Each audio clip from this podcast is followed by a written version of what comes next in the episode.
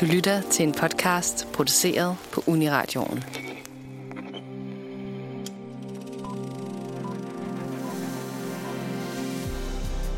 Skudt, stukket ned, frosset, brændt eller trampet ihjel af et stormløb af gnuer. Der er mange måder at dø på, og det er nærmest svært at finde en film, hvor døden ikke er et tema eller en vigtig del af historien. Men hvorfor er døden så spændende, og hvilken effekt har forskellige portrætteringer af døden på os som seere? Vi skal snakke om død på film, og jeg lover, at det bliver hyggeligere, end det lyder. Velkommen til Filmmagasinet Nosferatu.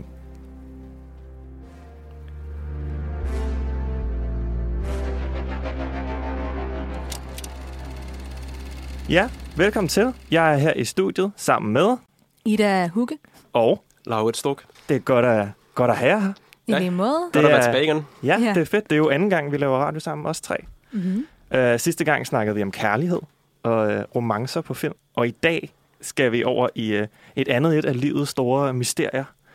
Eller, uh, og lidt tungere et også. Et, et lidt tungere emne, kan man sige, som nemlig er døden. Døden på film, hvis vi skal være helt specifikke. Og Ida, hvad, hvad, hvorfor er det, vi skal snakke om det her? Hvad er det, der er så spændende ved død på film? Altså, hvorfor er det, at der er så meget af det, havde jeg nær sagt?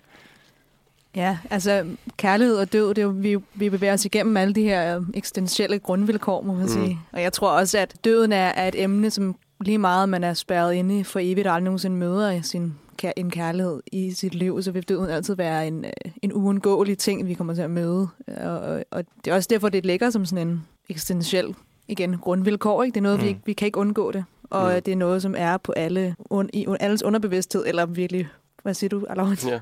ja, man kan jo ikke have det ene uden det andet. Og så samtidig er det jo også et meget delikat emne, for det, vi skal ind på i dag, er jo de forskellige måder, hvorpå man kan se døden på det store lærred. Og kan man virkelig tillade sig at grine af død, at juble over død? Altså, det, det er et, et større spørgsmål også. Ja, fordi der er mange måder at, at vise det på, og man kan sige, at døden er jo så stor en del af livet på en eller anden måde, og, og det er noget, som alle lidt har skulle forholde sig til, eller skal forholde sig til, fordi vi, vi er alle sammen på vej, samme vej. Mm. Øhm, og på den måde kan alle også relatere, især når det også kommer til, til de eftervirkninger af der, til den sorg, er også meget nemt at reflektere over på de karakterer, og derfor er det også bare et, et rigtig smart, dramatisk værktøj, kan man sige. Øh, samtidig med, at det er jo skræmmende og ukendt. Ja, man skal jo helst, øh, ikke sige, at der skal helst være en dødsscene i en film, men det er meget ofte det, der virkelig gør det til, altså det, man har lyst til at tage ind og se, synes jeg, det er noget af det mest dramatiske, der kan ske på film, ikke? At have en, en dødsscene. Ja, fordi så, så er der også noget på spil.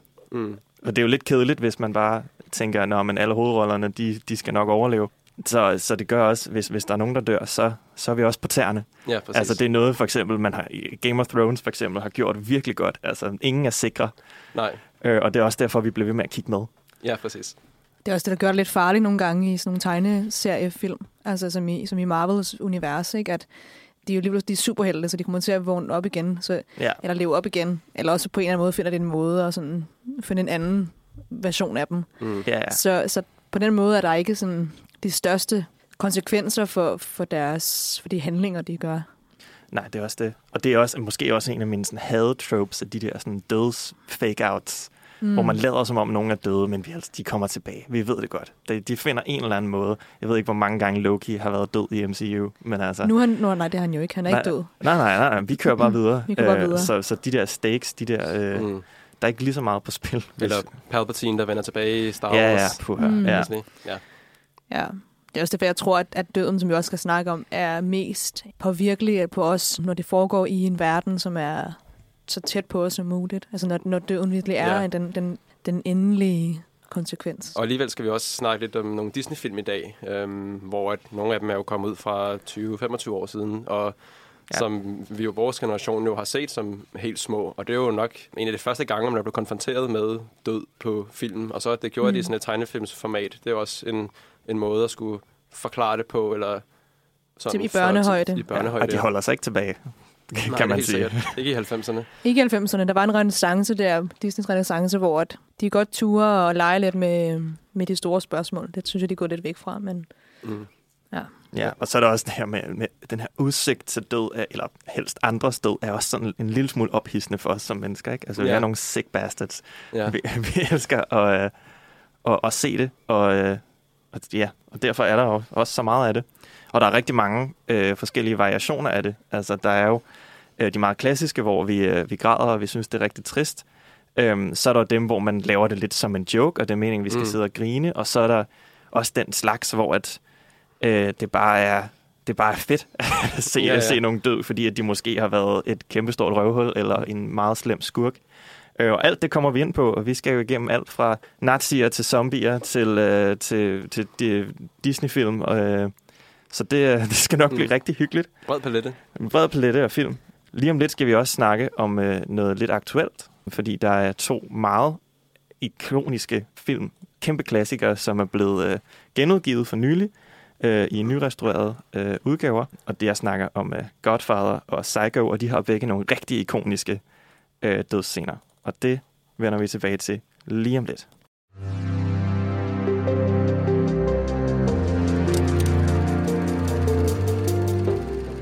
Øh, og inden vi fortsætter med at snakke om døden på film, øh, skal jeg nok lige komme med en øh, stor spoiler warning.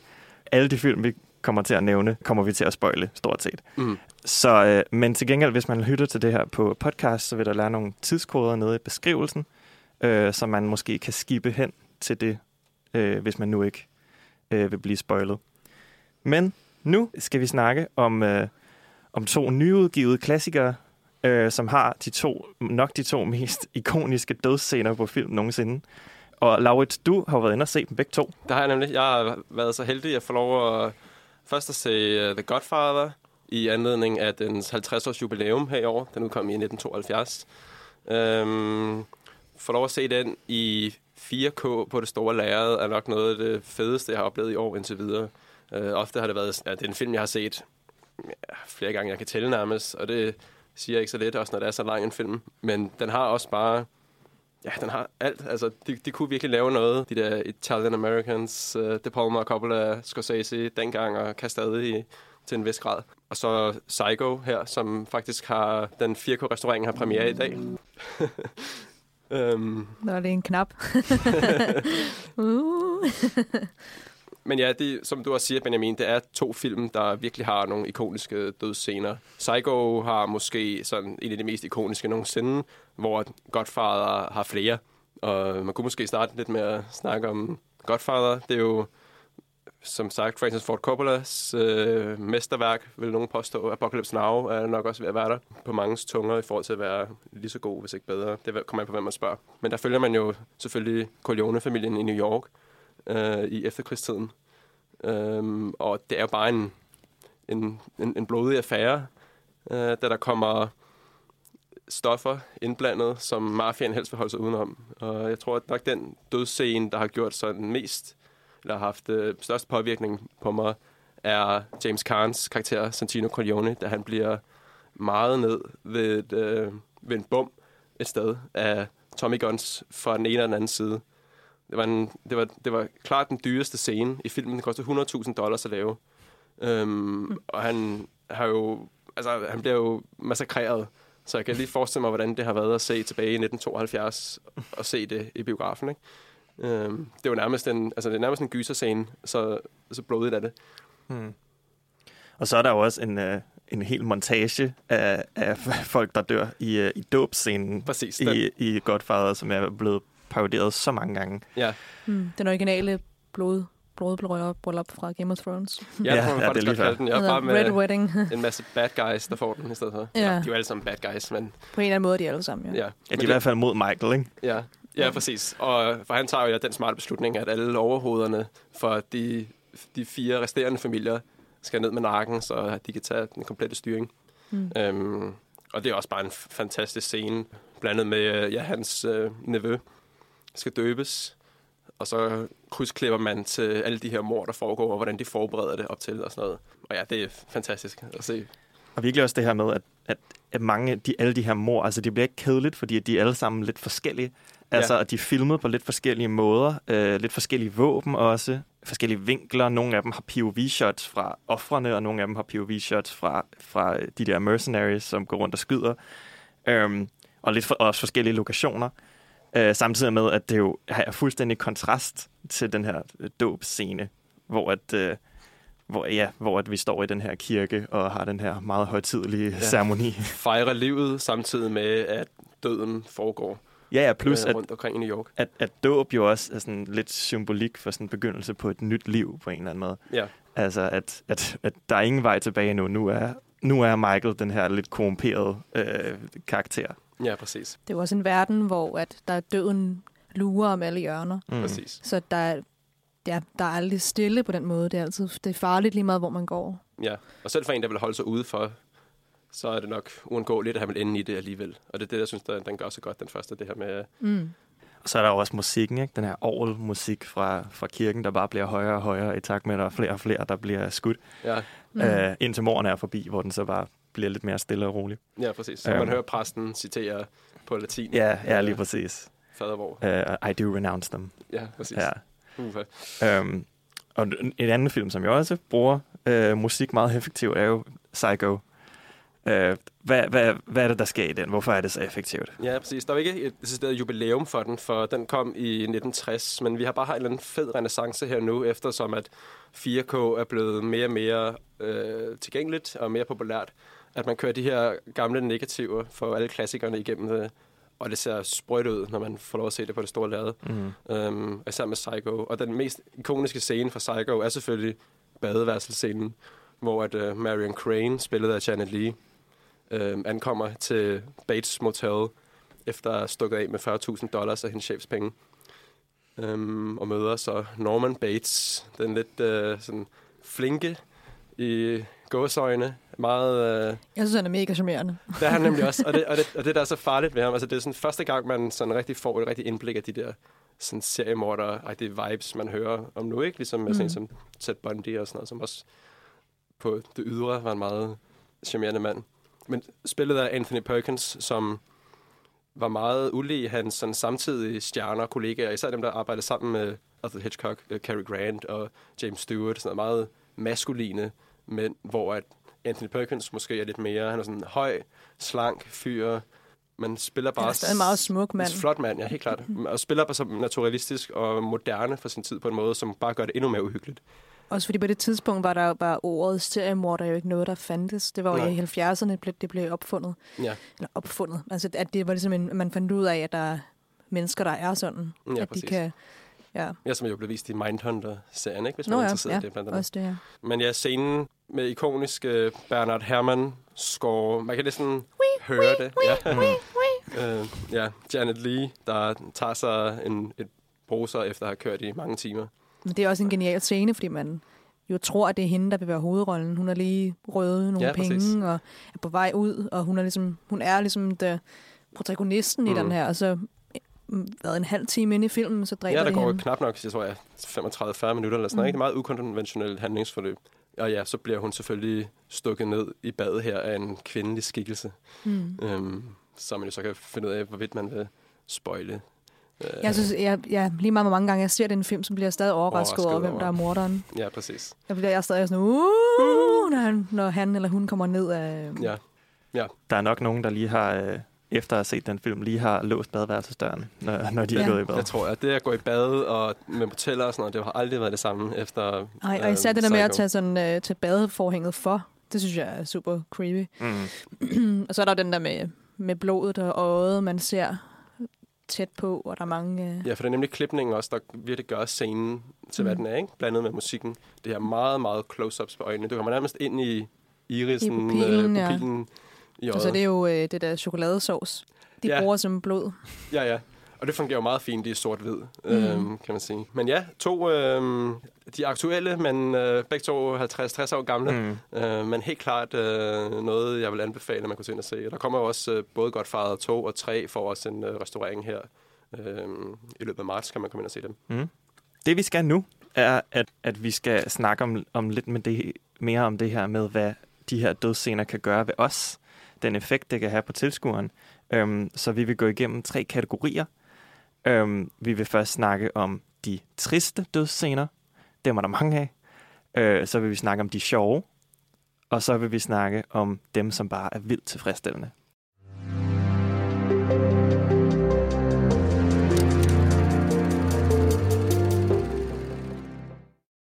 Og nu når vi snakker om, øh, om død på film, som jo er vores tema i dag, så er det oplagt at snakke om, øh, om den effekt, som det ofte kan have på tilskueren, og ofte den, man går efter som filmskaber, at folk bliver rigtig kede af det og rigtig triste, og måske begynder tårerne at trille ned ad kinderne.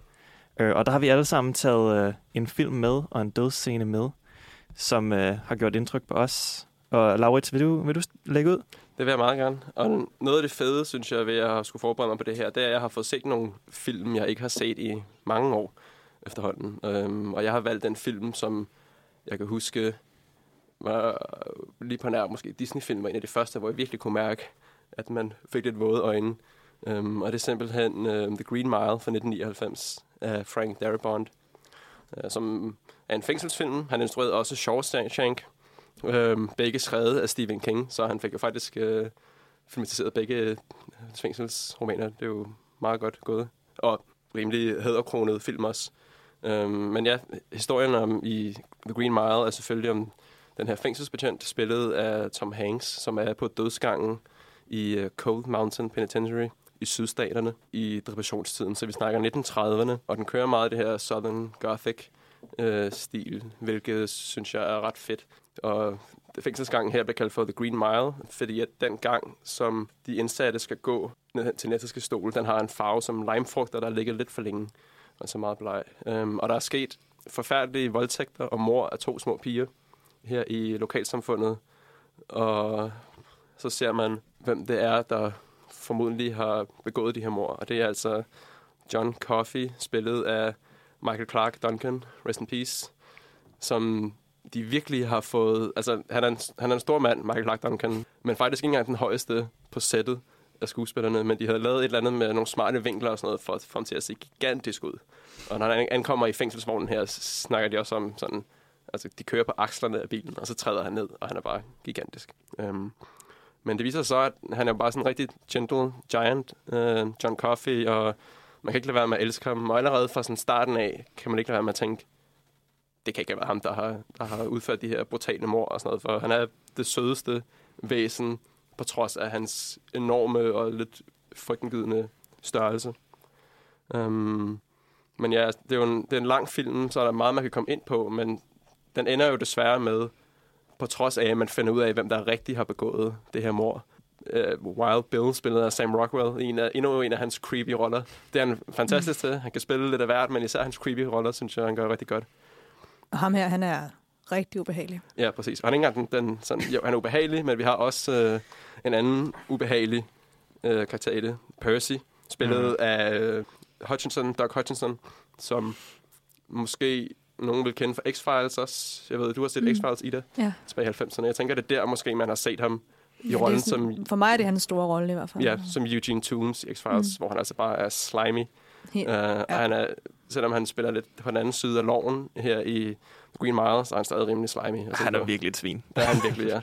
Uh, ja, han er selvfølgelig indsat, uh, ikke indsat, han er fængselsbetjent sammen Mm. mm. med de andre, men har fået jobbet, fordi han har nogle kontakter oppe et eller andet sted, og han er bare et kæmpe svin. Og Hvis der er nogen, der er gode til at skrive sådan røvhuller af fængselsbetjente, så er det virkelig Stephen Ja. King. ja, jeg kan ikke engang huske fra Shawshank, der er også... Uh, The Norton hedder han, han hedder ham, som er lederen af hele fængslet, som jo man finder ud af, at det er ham, der er det store røvhul, og det ved man fra starten Ja, af. men der er også, der er også betjenten, som også er en rigtig, øh, rigtig De er idiot. faktisk alle sammen nogle ja, det er de faktisk. ubehagelige De- fleste af dem. ja.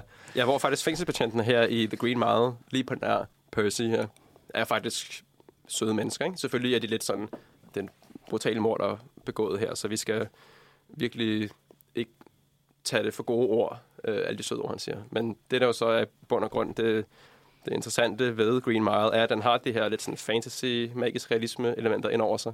Mm. Da øhm, John Coffey faktisk har evnen til at hele. Altså det er oprigtigt, at han kan hele smerte hos folk. Ikke? Uh, Tom Hanks karakter har en, en forfærdelig blærebetændelse, som han får helet uh, af John Coffey, og allerede der begynder uh, man også tænke sådan, okay, der er noget lidt mere over den her historie, end bare en almindelig fængsels Og så oplever han en mus, Mr. Jingles, som jo bliver kvæst af imellem Percy. af Percy imellem, i hans hænder. Ja, som han så bringer liv tilbage. Det går jo ikke godt til sidst, desværre. Og det er jo der, hvor det begynder at blive lidt hårdt at se på, fordi John Coffey ender jo i den elektriske stol øh, efter man har fundet ud af, at det faktisk er Wild Bill, der har begået mordene. Men han er blevet slået ihjel af Percy i en, øh, hvad skal man kalde det, en traume-tilstand, eller sådan. Han er fuldstændig Han er lammet næsten. lammet ikke? væk. Mm. Ja. Ja. Og der vil vi godt lige spille klippet fra, så kan vi snakke lidt om scenen bagefter. Ja. Roll on one.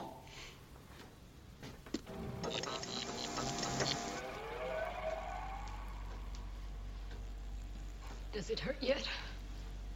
I hope it does. I hope it hurts like hell. John Coffey, you have been condemned to die in the electric chair by a jury of your peers, sentence imposed by a judge in good standing in this state. Do you have anything to say before sentence is carried out?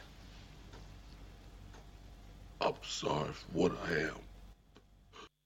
Og det, især det sidste, han siger her med, I'm sorry for what I am, er anderledes i forhold til, at man hører de andre. Man ser jo et par ryge gennem den elektriske stol i filmen, som altid siger noget med, I'm sorry for what I've done. Men Mm. John Coffey er ked af for, hvad han er. Ikke? Han har de her helende kræfter, men det er samtidig også øhm, smertefuldt for ham at have det. Og så skal jeg nok også lige sige, at han er en stor, og han er en sort mand. Ja, så der er jo, det er jo det, som... Spiller ind i Spiller 30'ernes ind- depressionstiden, og især i, i sydstaterne her, ikke? hvor at de, der er lige lidt ekstra racistisk tone hos befolkningen. Så det er en, ikke bare en undertone, men en overtone af, af at, at Overtone, den her øh, bog er også, er også en, en, eller den her film er en, Ja. et billede af, hvad, øh, hvad førstehåndsindtrykket af, af, af, af de sorte indbyggere ja. i sydstaterne var. Præcis. Ja. Ja. Især, især også, når man tænker på, at hvad hedder det, um, man hører i klippet, um, I, hope you, I hope it hurts like hell, siger moren til de børn her. De har aldrig fundet ud af, at det faktisk ikke er ham, der har gjort det. Han prøvede faktisk at redde dem i sidste ende, ikke? Men hun er virkelig også en af de eneste i rummet, der ikke ved, at det ikke er ham. Altså, Ja,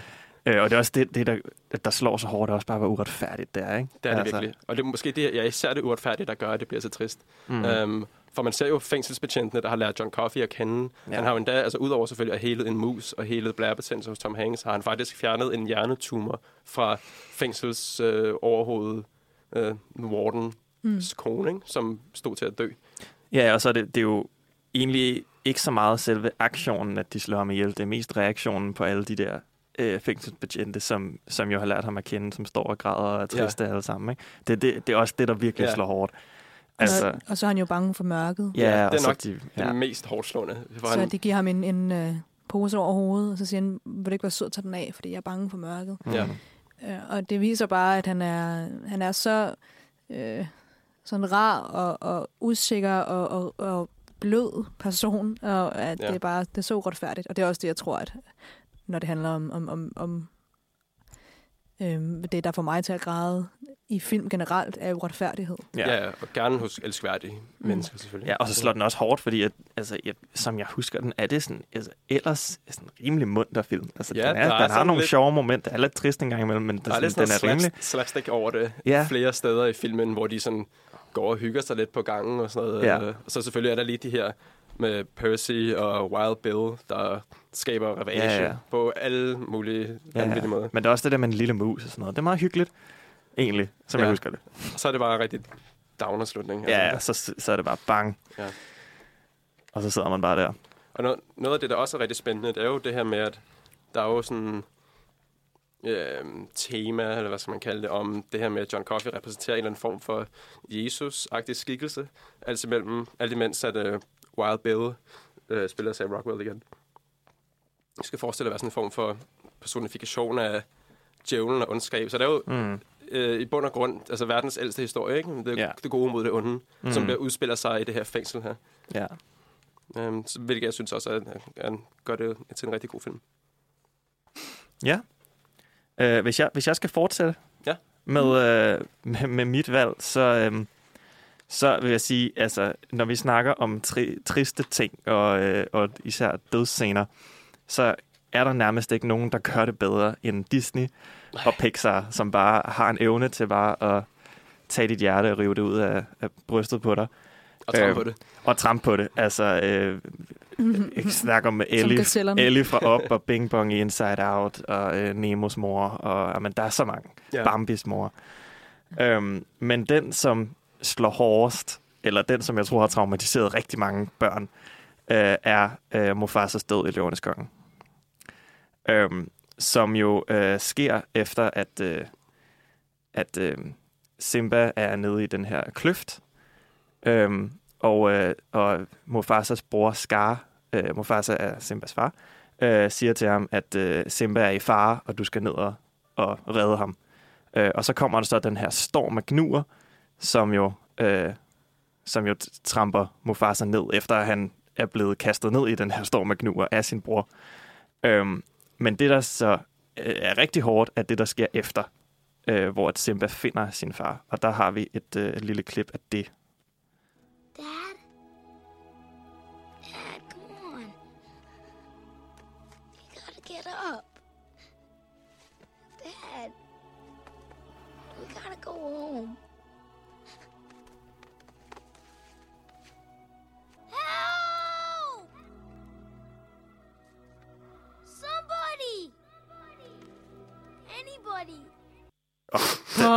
Den er hård. oh my god. det er forfærdeligt. Men jeg tror også, det der er så forfærdeligt ved den her, det er, at, at, at Simba tror jo, at det er ham, der har gjort det. Jamen, det er det, og det, og det er også der, hvor Ascar bare er en ledkal, ikke? Fordi, Ja, at, det fordi det næste, der sker, er jo, at Scar kommer hen til ham og siger, at øh, kongen er død, Mufasa er død, og det er din skyld.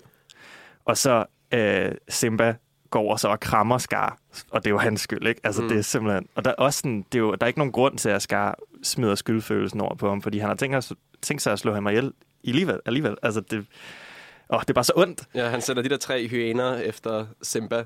Ja. Øh, som også er, jeg, jeg så den jo, jeg tror sidst jeg havde, jeg så den i går, men sidst jeg så den var måske 20 år siden, hvor jeg havde de danske stemmer. Ja. Øhm, og få lov at høre den på engelske stemmer for måske første gang, øh, ked af at sige. Altså noget af det stemmeskuespil, der er i den film, er fuldstændig fantastisk. Whoopi Goldberg, som en af de der hyæner. Er, mm. altså, Ja, og, det er de, og det der med det for måde at få dyrene til at ligne dem, de spiller på en måde også. Ikke? Du har øh, Ja. Jeremy Irons, der spiller Scar, kan man godt se lidt, ikke? Og, og så James Earl Jones, der ligger stemme til Mufasa, har bare, wow, en stemme han har, altså. Ja, og jeg vil også sige, altså, Mufasa er også bare så likable i den her film. Fordi han er både en god leder, han er meget respekteret, men også bare en virkelig god far. Altså, præcis. at, og han har Virkelig virkelig han joker lidt. Og... sådan, ja, virkelig godt forhold til, til sin søn. Og det er også bare det her med, at Simba er et barn. Altså, Ja. Simba Ja. forstår slet ikke det her endnu. Øh, og Simba har lige haft en hel sang, hvor han synger om, hvor meget han glæder sig til, sin far er død, så han kan blive konge. Men han forstår jo ikke, at Hvad det betyder. Nej, Nej. lige præcis. Så, og så er vi jo både, vi er både kede af det, men vi er også bare vrede på grund af, at, Scar er her. Og, er, Og er virkelig sindssyg. manipulerer Ja, Simba til at tro, at det var ham, der havde begået det. Så der er bare ikke noget, det, det er så forfærdeligt. Altså selvfølgelig er det, det er jo en, en fars død, så det er jo, er, kan man jo relatere til, altså en, en forældre Ja. vil dø. Også fordi, at, at som barn er man jo, ved man jo godt, at ens forældre skal dø før en, Mm. som det normalt vil være, ikke? Ja, dengang håber man måske, at de lever for evigt, men så Der, der troede man, at det var det, de gjorde, ikke? Altså jeg var jo sikker på, at mine forældre ville leve. Altså der var Ja. tanken om, at, at jeg, at jeg ville miste dem på et tidspunkt, ja. var jo ikke en, en, en mulighed, mm. da jeg var barn. ja på en, det er også på en eller anden måde sådan en sådan en oplæring af, af, eller sådan, man siger også bare til børn, ikke? nu skal du forholde sig til det her, hold dig til det her, fordi at det, det kommer til at ske, højst sandsynligt. Ja, altså. Det kommer som sådan små stikpiller i løbet af ens barndom og ungdom. Øh, Men med, så er der jo, ja. Og man begynder jo så også selvfølgelig at miste lidt familiemedlemmer Mm. og venner, øh, Mm. jo, som man bliver ældre, og man bliver nødt til... Det er jo en, som jeg sagde ind- indledningsvis, det er en uundgåelig del af livet, ikke? og vi skal alle sammen den vej. Så det er noget, man skal konfrontere med på det ene eller andet tidspunkt. Ja, ej, så er det også bare det der med, at Simba bare går over og skubber til ham og siger, at han skal vågne op og bider ham i øret og alle de Ja, der er ting, som de plejer at gøre, når de leger. Ja. Ja, ja. Mm.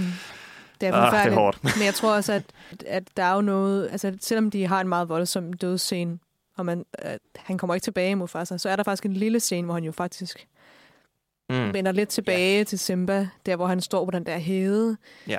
og han ser op og ser, Ser stjernerne. ser stjernerne, hvor han siger, at alle de, hvad er det, de døde konger er deroppe, Ja. eller sådan. Remember Mm. who you are, Simba. Simba. Og ja, James Earl Jones, som jo bekendt har lagt stemmen til Darth Vader. Det går lidt igen her, ikke? Med, man hører det Mm. fra, hvor det så i, det er det sådan noget ghost, spøgelseshalløj i Star Wars, men her er det lidt på samme måde faktisk også. Det er meget sjovt, øh, hvis det er sådan noget, de har tænkt på. Ja, fordi hans stemme er meget autoritær, men den kan også være rigtig hyggelig. Sådan, Ja. Så det er, det er Han virkelig har sådan en, en, sådan en bjørne Ja. Krammestemme. Da jeg hørte den igen, stemme. Jeg kunne ikke lade mig at tænke sådan, Morgan Freeman, go home. Altså, det, Ja, det ja, er en true. overmand, James Earl Jones. Puha, Ja, han er god stemme. genial. Det er han sgu. Ja. Ja. Nå, Ida, Jeg har den sidste. Vi bliver faktisk lidt i sådan øh, far-søn. Øhm, mm. Faktisk meget i det. Og det her det er en film, som jeg har meget stærkt forhold til. Og hvis du ikke har set den, så synes jeg, du kan pause nu og se den, og så komme tilbage. Fordi at, at øh, hvis der er nogen film, jeg vil, vil, vil anbefale overhovedet, så er det den her. Er det ikke din yndlingsfilm i det også? Måske, det tror jeg måske, det er. Mm. Ja, Det er top også en rigtig 3 god i hvert fald. Mm. Så, men øhm, jeg tror, grunden til, at den ikke er min nummer et, er fordi, at jeg skal tage mig sammen til at se den, fordi den er så hård. Ja. Så det er ikke en, det er ikke en film, jeg kan se hele tiden. Nej, jeg det, så- er- ja. Ja, undskyld, jeg så den i går sammen med, lige efter Green Mile, så det, det var en hård dag at skulle se de to film back to back. Puha, ja, nej, det er ikke, øh, det er lidt farligt. Men det er øhm, La Vita e Bella, eller Life is Beautiful, som er instrueret af Roberto Benigni, som fik øh, en Oscar for den film. Både som bedste skuespiller og bedste Instruktør. instruktør. Og han er virkelig Nej, god. bedste film. Nej, bedste foreign film, eller hvad det Nå, hedder, okay. international. Mm, ja. ja. Og det er en italiensk film fra slut 90'erne, som er i 97, som handler om en jødisk-italiensk mand, som bliver forelsket i sådan en kvinde. Og øhm, det starter egentlig som sådan en romantisk komedieagtig film. Og så, øh, ja, det er lige inden, at nazisterne overtager i, i Italien. Og øh, så får han et barn med hende her, og alt, er godt. Mm. Og så øh, kommer hun så hjem og finder ud af, at, øh, at han lige er blevet taget. Ja, for hvad er hun nemlig? jo? Hun er jo bare Hun er kristen, kristen og bare italiener. Katolsk. katolsk katolsk, italiener. ja. Ja. Og så øh, bliver det så taget med til toget til koncentrationslejren. Faren og sønnen der. Og så fordi, at hun jo opdager, og hun opdager, at, at hendes mand og hendes barn er blevet taget, så hun øh, snyder ham der mand, der skal stå og tjekke ind, at, øh, at hun er altså også en del af dem. Og hun vil gerne med på toget. Og det får hun så lov til. Så det her det er, en, det er en film om en far og en søn, der prøver at overleve i en koncentrationslejr, men den er blevet er gjort lidt mere, hvad skal man sige, let. Børnevenlig. Øh, børne, ja, ikke børn børnevenlig, fald, men, men den er i hvert fald døden i børnehøjde. Mm. Øhm, men jeg synes ikke, at det var en film, jeg ville vise til mit lille barn, måske. Altså, jeg, jeg, det ved jeg ikke. Den er, jeg synes, den er meget, meget, meget, meget voldsom. Så det handler om min faren, der så prøver at, at øh, gøre det til sådan en leg. Han lader som om, at hele koncentrationslejren er en, er en leg, som de skal sådan samle point. Så hvis de har været ude og samle sten, så er det point, og de skal gemme sig for forskellige onde mænd, der råber og sådan nogle ting.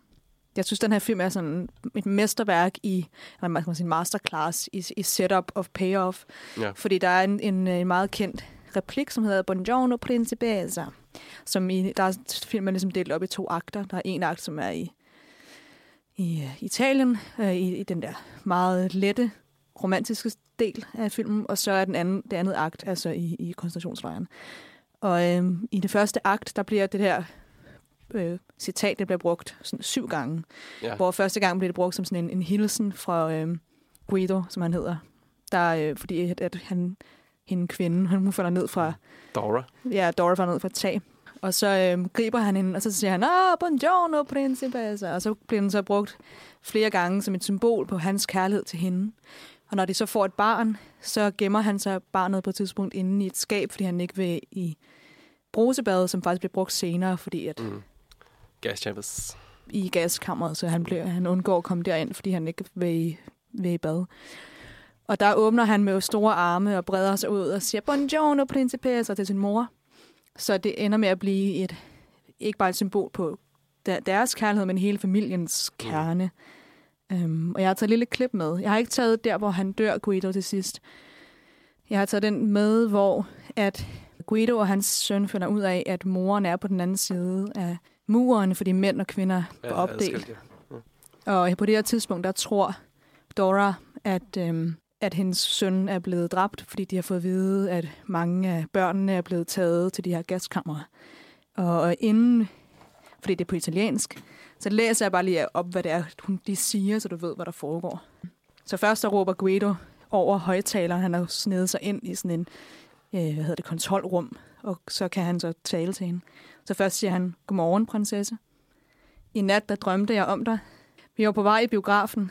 Du havde den der lyserøde kjole på, som jeg så godt kan lide. Du er alt, jeg tænker på, prinsesse. Jeg tænker altid på dig. Og nu? Og så kommer barnet og siger, mor, mor, far kører mig rundt i en lille trillebør, men han kan, han kan ikke finde ud af at styre den, og jeg dør af grin. Og vi fører, hvor mange penge har du fået? Og så råber Guido til sidst, løb, de dumme mænd, der råber, er bag os. Og det er den her. Buongiorno principessa! Stanotte t'ho sognata tutta la notte! S'andava al cinema e c'avevi quel taglierino rosa che mi piace tanto! Non penso che a te, principessa! Penso sempre a te! E ora... Mamma,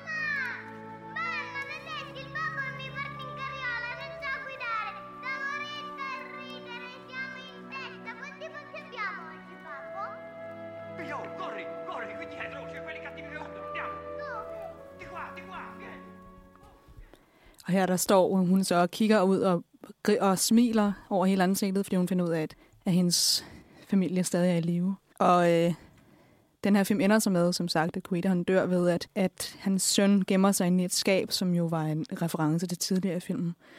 Og øh, han låser døren der og siger, du må ikke gå ud. Mm. Og så kan, kan han kigge ud af sådan en lille åbning i døren. Og så øh, øh, har Guido klædt sig ud som en kvinde. Eller ved at tage sådan et tørklæde over hovedet. Og så kommer der en af de der øh, nazistiske, hvad hedder det, vagterne på koncentrationslejren, og har fundet ud af, at han har- er ved at at slippe ud. Mm. Så han bliver guidet. Og så ser han så, at hans søn ser ham. Han får øjekontakt med ham. Og så laver han nogle store øh, grimasser og lader som om, Marcherer. mm. marcherer afsted. Ja. Og, jeg, og så går han om bag en, en, øh, en væg, og så hører man så, at han bliver skudt. Øh, og så går han ud igen, ham vagten der. Og jeg, jeg tror bare, at det, der er så fantastisk ved Guido, er, at han er sådan en... Han er super selvsikker og, og holder sig ligesom på hans lige meget... Han, han er en karakter, som... Hvordan skal jeg forklare det? Han har altid et positivt syn på livet, uanset hvad, kan man Ja. også sige. Ikke? Ja, altså de, Uanset de, de ændrende situationer ændrer ikke ham som person, og Nej. det synes jeg er rimelig, det er virkelig øh, bemærkelsesværdigt og, og, og smukt. Og så tror jeg, det er derfor, han for mig er den mest vældigte og, og sådan øh, fremragende karakter overhovedet Mm. i, i, i filmhistorien, fordi han, han virkelig holder sig fast i sin sine i det, han er, og han, hans sådan, tro på, på kærligheden holder mm. han ved til, til slut. Ja. Mm. Det er virkelig, det er også, som du siger, det der er lidt interessant ved ham, ikke? Altså det her med, at han bare ikke ændrer sig. Altså, fordi normalt, når man, når man skriver en karakter til en film, så vil man sige, at de har et want, og de har et need, mm. og de, de vil gerne have noget, men det viser sig faktisk, at det er ikke det, de har brug for, og så er der en karakterudvikling. Men han vil bare fra starten, vil han bare gerne have kærlighed, og han vil bare gerne elske sin familie. Og det Ja. fortsætter han bare til det sidste. Øh, og det gør ham også bare så likable, ikke? Altså det her med, at hele den her øh, illusion, han skal holde op for sin søn, øh, den fortsætter han med, også når han ved, at han er på vej med at marchere mod døden. Ikke? Altså Ja. han smiler mod døden, fordi han har levet, og han, øh, han forventer, at, at sin fam- hans familie overlever. Han fik hans drømmekvinde, og fik sit barn. Og Ja. Joshua, som drengen hedder, er vanvittigt sød også. Har en kæmpe Mm. brune øjne, og Mm. meget godt castet til den rolle. Ja. Altså, det er, jeg synes bare, det er en meget rørende... Altså, der er, der er flere, der har været øhm, faktisk kritiseret filmen for at gøre grin med Holocaust, og det synes jeg er helt misvisende. Fordi Mm. det, der Det er et er... spændende emne at, at, at diskutere i hvert fald. Ja, og det, jeg tror, at for mig synes jeg, at det er den bedste Holocaust-film, jeg har set nogensinde. Altså mere end sådan en film som Schindlers List, som jeg ikke var særlig fan af, fordi det var bare var... Der var det virkelig sådan, vi sætter op mod de gode og de onde, og der blev amerikaneren, den, eller han er så ikke amerikaner, men han, han var den vestlige, kan man sige, Mm. karakter, blev sådan, øh, Liam Neesons karakter. Ja. ja. blev the good guy, og sådan, ej, jeg redder jer alle sammen, og det var fint nok, men, men det var bare, det var bare, det var bare død og ødelæggelse fra start til slut. Mm. Og jeg tror, at en, en komiker, som han jo er, Roberto Benigni, øh, har også sagt i et interview, at man kan ikke lave en, en holocaust-film, som bare er sov i to timer. Nej. Og, og så, øh, så quoter han Dante, som han jo gør tit. Han er en meget stor fan af Dante. Og i Inferno, der siger Dante, at, øh, at sorg er værst at tænke på i, i glæde, i, eller øh, er, hvad, hvordan skal jeg oversætte den fra, fra italiensk? um, Fedt, at du kan. Nej, sorg er, er størst, når man tænker på glade tider Mm. i, i de sørgelige tider. Ja. Mm. Hvad skal man sige? Ikke? Så, så modspillet mod det her med at være i, i, at vi har set, hvad det var, der kunne være, og de bliver bare plukket ud. Altså alt er godt, alt går godt, og der er du ved, enjoyment og happy times, og alt er Mm. dejligt. Og kærligheden flyder, og Ita- Italien er så italiensk, som Italien kan være, ikke? og Roberto er så stor og ja, ekspressiv. Ja, og så bliver det bare plukket ud. Han er en meget fysisk skuespiller. Man får nærmest lidt sådan en Jacques Tati, Charlie Chaplin-agtig Mm. vibe Ja, fra ham. faktisk Ikke? rigtigt. Ja. Øhm, hvilket også er der til i hvert fald den første del af filmen er meget humoristisk. Ja, Ja, ja, men det er- ja sorry, hvad siger du? Jamen, det er også lige før, jeg synes, at, sådan, at filmen handler ikke rigtigt om Holocaust. Holocaust er, er et backdrop til øh, den her historie om, først om sådan en rigtig romcom-historie, og senere om bare forholdet mellem far og søn. Mm. Øh, og i virkeligheden kommer Holocaust først i spil i anden akt. Altså selvom det har været, det har været i baggrunden i den, Ja, i den første del, men det har slet ikke været et tema overhovedet. Nej. Øhm, så det synes jeg også er meget fint. Og det synes jeg faktisk var det, der er ret fantastisk ved den, fordi at det kan godt være i 30'erne, hvis man af Hitler var en karakter, og han kom til i hvad, start 33, og han, man vidste, at han var noget, der, der ved, der, der var i, i periferien, Mm. Øh, og, og Italien har jo en virkelig stort forhold til, til det, fordi det er jo der, kan man sige, for fascismen blev opfundet. Mm. altså, så det er jo sådan, øh, jeg synes, Ita- Italien er et ret godt land at vælge, fordi at der ikke har været så mange film i, på italiensk, der handlede om holocaust og deres forhold til, øh, til 2. verdenskrig, fordi at det var så et sådan spændt forhold, fordi Italien har- er så, øh, har så dårlig samvittighed over, hvad der var, der skete i det land.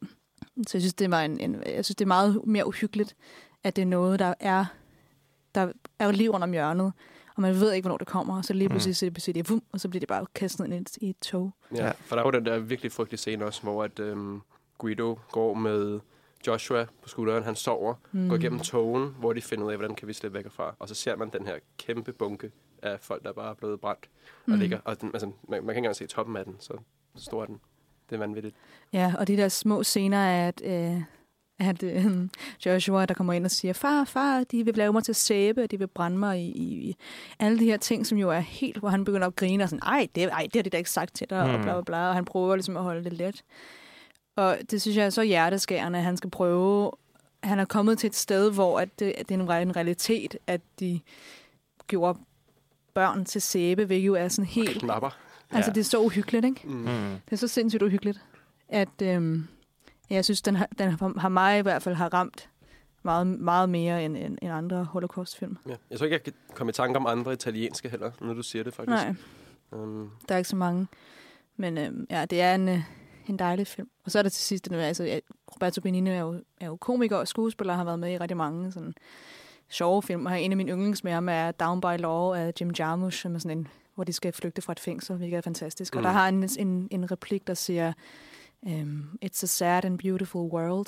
Så siger han sådan ud af det blå. Og det, det var sådan en... Jeg tror, det er der, han har fået den idé, at ja, der er sorg og kærlighed, men det kan godt blive der. ja, ja, og life is beautiful, altså uanset hvad, Mm. mm. øh, på godt og ondt, så er livet smukt, ikke? Og vi har kun ét. Ja. Så. Ja, nå. nu har vi grædt nok.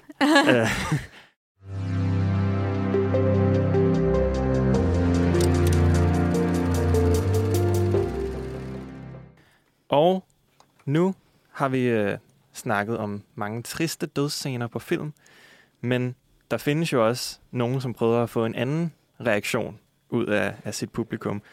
Øh, og det er dem, som man kan sige er sjove dødsscener.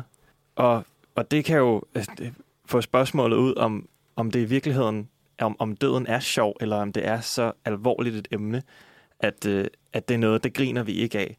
Øh, kan, man, kan man joke med det? Jeg ved, jeg ved ikke, hvordan har, hvordan har I det med det? Øhm, altså, jeg tror, at, at, at de her, som vi har valgt, er det, er det omstændighederne omkring døden, Mm. der er der får en til at grine. Og så tror jeg også bare, at jeg tror måske, er det et emne, der, er- der er svært at håndtere.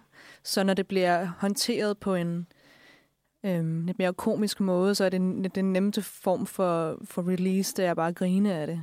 Ja. Øhm, Og det kan jo gøres på mange måder. Øhm, men jeg synes også helt klart, at det er noget, det er, en, det er et meget delikat emne jo, men jeg synes også, at hvis det er gjort rigtigt, og med sådan det rette formål og bagtanke, så kan det være virkelig morsomt også en gang imellem. ja, Ja, man, man kan sige, altså, man kan sige, humor er jo subjektivt. Um, og hvis jeg skal sige helt personligt, så har jeg det svært med, øh, hvis, hvis døden er punchlinen. Altså hvis det bare er, og så døde han eller hun. Um, så, så synes jeg ikke, at det er super sjovt. Men, jeg, men altså, jeg- et eksempel kunne være øhm, øh, Fede Dorit i, øh, i særligt knibe. Øhm, ja, men, sådan, men det, er ald- det er aldrig en, jeg har syntes har været vildt sjovt. Jeg ved godt, der er rigtig Nå. mange andre, der, der gør det. Jamen, det er sådan...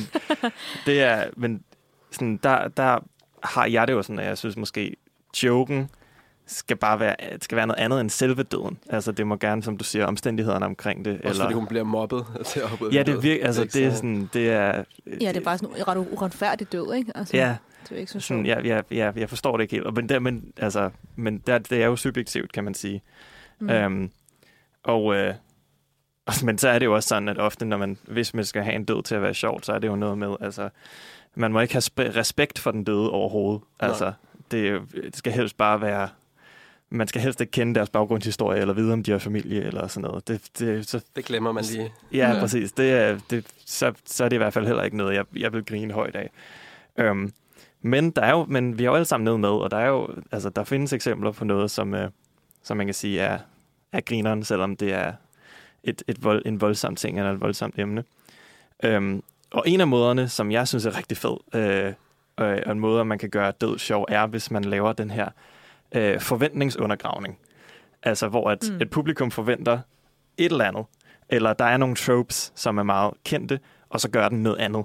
Øh, og nok øh, det mest ikoniske er i øh, den første Indiana Jones-film, Raiders of the Lost Ark, hvor at, øh, at der er den her, øh, den her scene, øh, hvor at Indiana Jones møder en, øh, en mand, som har et svær, øh, og han ser rigtig sej ud med det svær, og han, og han svinger det rundt.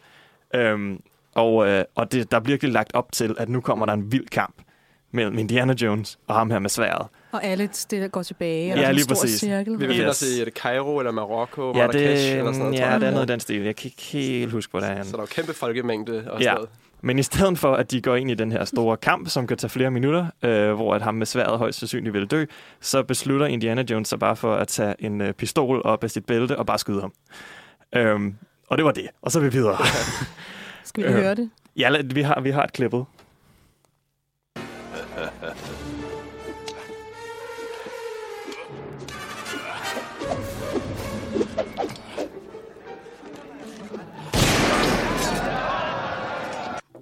Jeg elsker også folkets reaktion. Øhm, og det der, det, der også er fedt ved den her, er, at det faktisk ikke var planlagt, at det var sådan her scenen skulle gå. Altså hele baggrundshistorien er, at de faktisk havde planlagt, som man jo havde regnet med, at, øh, at det var en scene, som varede øh, øh, tre og en halv side på papiret, øh, og som var en et sådan meget tæt koreograferet øh, kampscene, hvor at øh, Indy også kunne vise, hvordan han bruger sin, sin pisk i kamp, øh, og han så vil ende med at slå ham med sværet ihjel.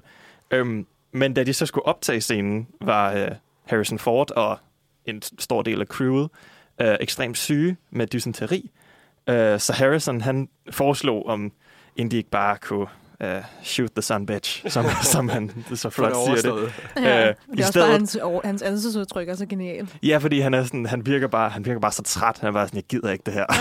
Come han er on. bare sådan, hey, dude. Ja. Øhm, men det sagde Steven Spielberg så ja til. Og så, øh, så, så endte de med at gøre det. Og så øh, er der også et lille nod til det i uh, Temple of Doom, i, øh, i toren, hvor at, øh, som, som jo ikke rigtig giver mening rent historiemæssigt, fordi det er en prequel, Ja. men hvor at, øh, Nå, ja. at der igen kommer en med et svær, øh, og, øh, og Indiana Jones skal til at tage sin pistol op af hylstret, som han jo gør i Raiders, mm. men så er den der ikke, pistolen.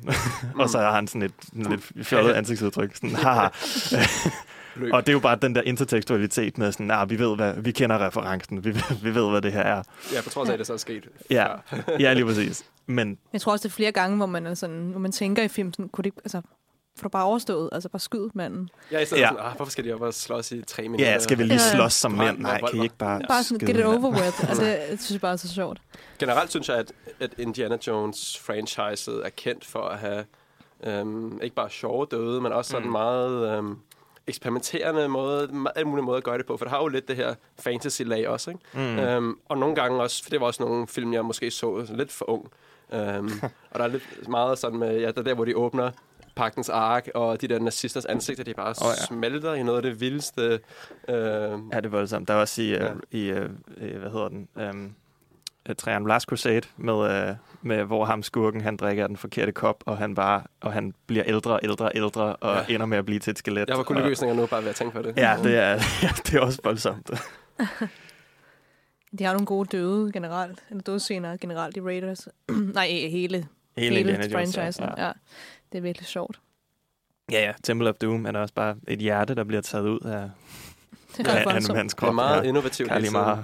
Og Ja. det er fede blanding med sådan adventure og fantasy, der gør, at det er så fed en franchise, ikke? Men så kan vi jo Mm. så snakke om øh, Crystal Skull, som jeg ved, du er, er fan af. Jeg er ikke Benjamin. fan af den, men jeg har, jeg har en lidt, jeg har en lidt, Du i- jeg, jeg den. nyder den lidt ironisk. Ja, for der er jo det her med, at sådan, de virkelig tager det lidt ekstra, og der faktisk er en alien-civilisation gemt i Inkariget, eller Maja-rige, eller hvor de er. Ja, det, Ja. ja. det, det er lidt fjollet. Mm. og så kommer den nye øh, Mm. her om, i år, regner vi med, ikke? Og Det tror jeg jo. Det håber jeg. jeg har, ingen, jeg har ingen idé om, hvad der kommer til at være sådan det Mm. overordnede plot, men um, Nej, men det, masser det er af Mads, Mads Mikkelsen, der Ja. han er skurk. det er det vigtigste. Ja, det er meget ja. godt. Men, men, men igen, det er bare et virkelig godt eksempel på bare at bare lege med folks forventninger, og det er det, der gør det sjovt. Ja. Ja. Øhm, ja. Nå, men øh, Ida, hvad, hvad, hvad har du valgt? Jeg har taget en, som også han ar- arbejder lidt med den der, øh, man, man river tæppet ud øh, under publikum. Og, øh, og det er en scene, som var, altså den, den tog mig virkelig, altså sådan, da jeg så det, var jeg sådan, der havde ikke regnet med, det ville ske. Mm. og det er fra Pulp Fiction. Og øh, det er en af de første scener, hvor at, øh, det er efter Jules og Vincent, som er spillet af Samuel Jackson og John Travolta, de har været inde og besøge en, der hedder Brett, som øh, også blev skudt i den scene, som det er den der kendte Ezekiel. Ezekiel 2517 uh, scene der. Og der skal de hente en, en, en kuffert. Og så har de så taget en, der hedder Marvin med. Og så det er den, hvor han råber, I don't remember uh, asking you a goddamn thing. Og så tager de ham med. Og han sidder Og- bare helt sådan, please lad mig. Han sidder Ja. bare helt over i hjørnet og kryber, øh, kryber sammen. Mm. Og, øh, og så, ja, så sidder de så også og taler om, om øh, i, i bilen, som de altid gør, de to der. Øh, og Marvin, han sidder oppe på bagsædet. Og der sidder John Travolta med en pistol i hånden, bare som sådan en ja, casual ting. Og, øh, og så, så, så begynder de at sidde og snakke om et eller andet med, at der er nogen, som... Hvad synes du om det her? De har sådan en lang samtale. Og, øhm, Ja, den er divine intervention, ikke? De, de, hvad hedder det, Samuel Jacksons karakter er meget religiøs, bliver meget religiøs efter den her hændelse her. Mm-hmm. Uh, John Travolta, der er bare sådan, ah, kom nu til, fald nu ned, I think. Ja, nu skal du lige uh, tage dig sammen. Og så synes jeg, jeg bare lige vil spille det for jer i stedet for, for nu så sker det her. Så det, det er, jeg starter den lige midt i deres samtale her.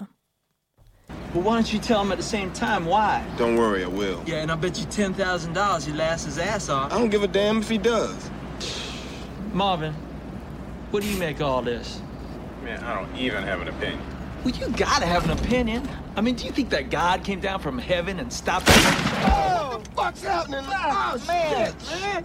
Oh man, I shot Marvin in the face. Why the fuck you do that? Well, I didn't mean to do it. It was an accident. Oh man, I seen some crazy ass shit in my time, but just Chill out, man. I told you it was an accident. You probably you went over a bump or hey, the car ain't hit no motherfucking bump. Hey, look, man. I didn't. I didn't mean to shoot the son of a bitch. The gun went off. I don't know why. Well, look at this fucking mess, man. We're on a city street in broad daylight here. Believe it, man. Well, believe it now, motherfucker. We gotta get this car off the road.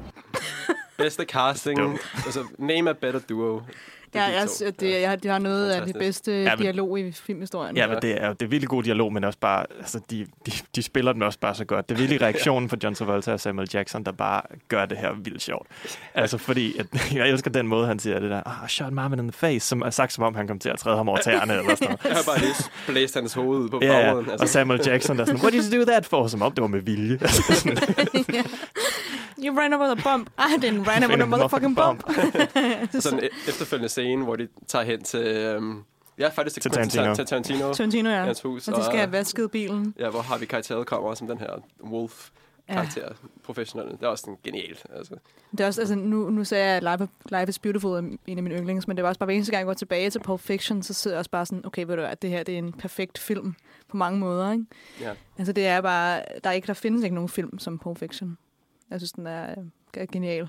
Ja, men det var, jeg har også jeg har set sådan en interview med John Travolta, hvor at, at det var vist noget med, at Tarantino sagde til ham sådan, jeg vidste ikke, jeg var i gang med at lave en komedie, men, men når, I, når I spiller den sådan der, jamen så, hvilket Ja. sådan ikke giver helt mening, fordi han har skrevet nogle wack- wacko ting i den film. Men øh, ja, men det, så blev det leveret, og det er, det er meget sjovt. Det, det er genial casting, og det på det tidspunkt var det jo en, var John Travolta en, en karakter, der bare, eller en, en skuespiller, som bare var totalt ude af Hollywood, og ingen ville have ham. Mm. Ja, han havde jo sin storhedstid der i 70'erne, ikke? Og så, Ja, øhm. først ville folk ikke have ham, og så fik han øh, Saturday Night Fever, og så var han fed igen, og så gik han bare ned, Ja. og ingen ville have ham. Han var den værste skuespiller i Hollywood, og så sagde Tarantino, jeg vil gerne have på Sons of Volta, og alle i hans crew var bare sådan, hvad? Det mener du ikke. Og det var baseret på Brian De Palmas Blowout, som Mm. mm. jeg sjovt nok var i Cinemateket at se i går, Mm. mm. øh, i forbindelse af deres ønskefilm. En Ja. af mine absolut yndlingsfilm, og klart John Travoltas, hvis man passer på, hvad man siger, ikke? men nok hans bedste præstation ved siden af Pulp Fiction. Er den, der starter med, at de, de lader som om, at det er sådan en slasherfilm? Præcis, ja. Ja, okay. Fordi han, han er sådan en øh, lydmand, der laver lyd til B-gyserfilm og sådan Ja. noget. Og den, den spiller også meget med forventninger, den film og sådan noget. Og Mm. I starten, jeg så den også selvfølgelig med lidt større publikum, som sidder til at starte med og var sådan, er det det her, vi har sat os Ja. ind til? Og så skifter det til, at man ser John Travolta, der sidder og, og sidder og. Ja, fordi det er nemlig rigtig dårligt, den der slasherfilm. at Ja, virkelig, virkelig. Ja, det er virkelig sjovt. Jeg synes også bare, at han, øh, han leverer den virkelig godt, John, John Travolta. Og så er, er det jo så, altså det er jo så godt skrevet. Også, øh, Bare det at vende sig om og være sådan, hvad synes du om det her egentlig? det synes jeg også bare er fedt. Ja, også fordi også Marvin, der var sådan, I don't have an opinion, I man." don't have even have an opinion, man. Han sidder bare på bagsiden og bare for sig selv og hygger. Ja, Tarantino og Roger Avery vandt jo også Oscar'en for bedste manuskript. Ikke? De var et makkerpar dengang og skrev uh, Mm. Pulp Fiction sammen. Det kan man Øhm, virkelig godt forstå. Ja.